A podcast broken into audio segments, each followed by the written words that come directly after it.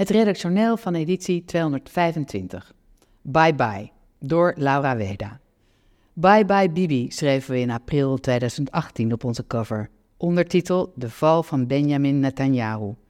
Een artikel uit Newsweek bepleitte dat zijn positie na bloedige aanvallen op de Gazastrook en de ene na de andere corruptiezaak niet langer houdbaar was en dat vertrek meer een kwestie was van wanneer dan van of.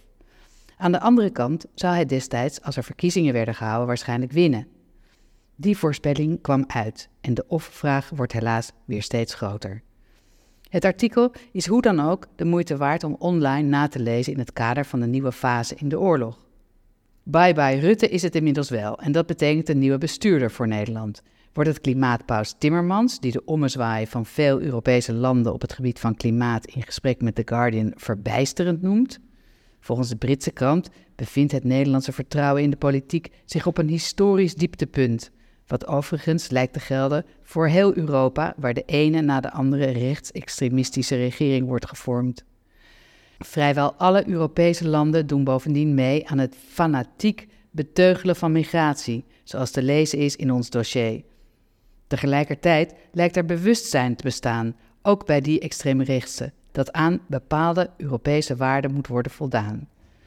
Zo wordt Italiaans premier Meloni na een jaar aan de macht niet graag herinnerd aan haar pro-fascistische uitspraken en stelt zelfs Wilders zich in de aanloop naar de verkiezingen milder op.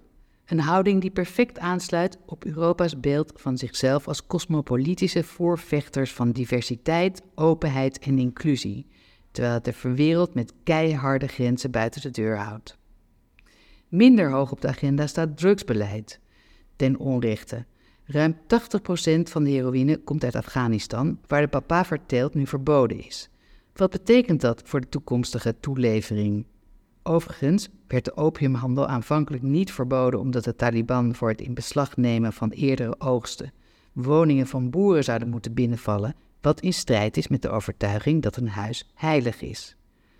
Hoe iets schijnbaar kleins zo'n grote invloed kan hebben. Dat geldt ook voor die piepkleine rondvliegende deeltjes waar zelden iemand aandacht aan besteedt, behalve om ze te verwijderen. Stof. Jay Owens beschrijft in haar recente boek hoe de geschiedenis van onze obsessie met het eeuwige afstoffen samenhangt met gender- en klasseonderscheid en raciale ongelijkheid. Een sterk staaltje journalistiek. Overigens moet u de rubriek Afrika in dit nummer missen, maar dat compenseren we volgende maand met een longread over de ijzingwekkende Keniaanse secteleider Paul Ntenge Mackenzie. Gelukkig is hij inmiddels wel bye bye.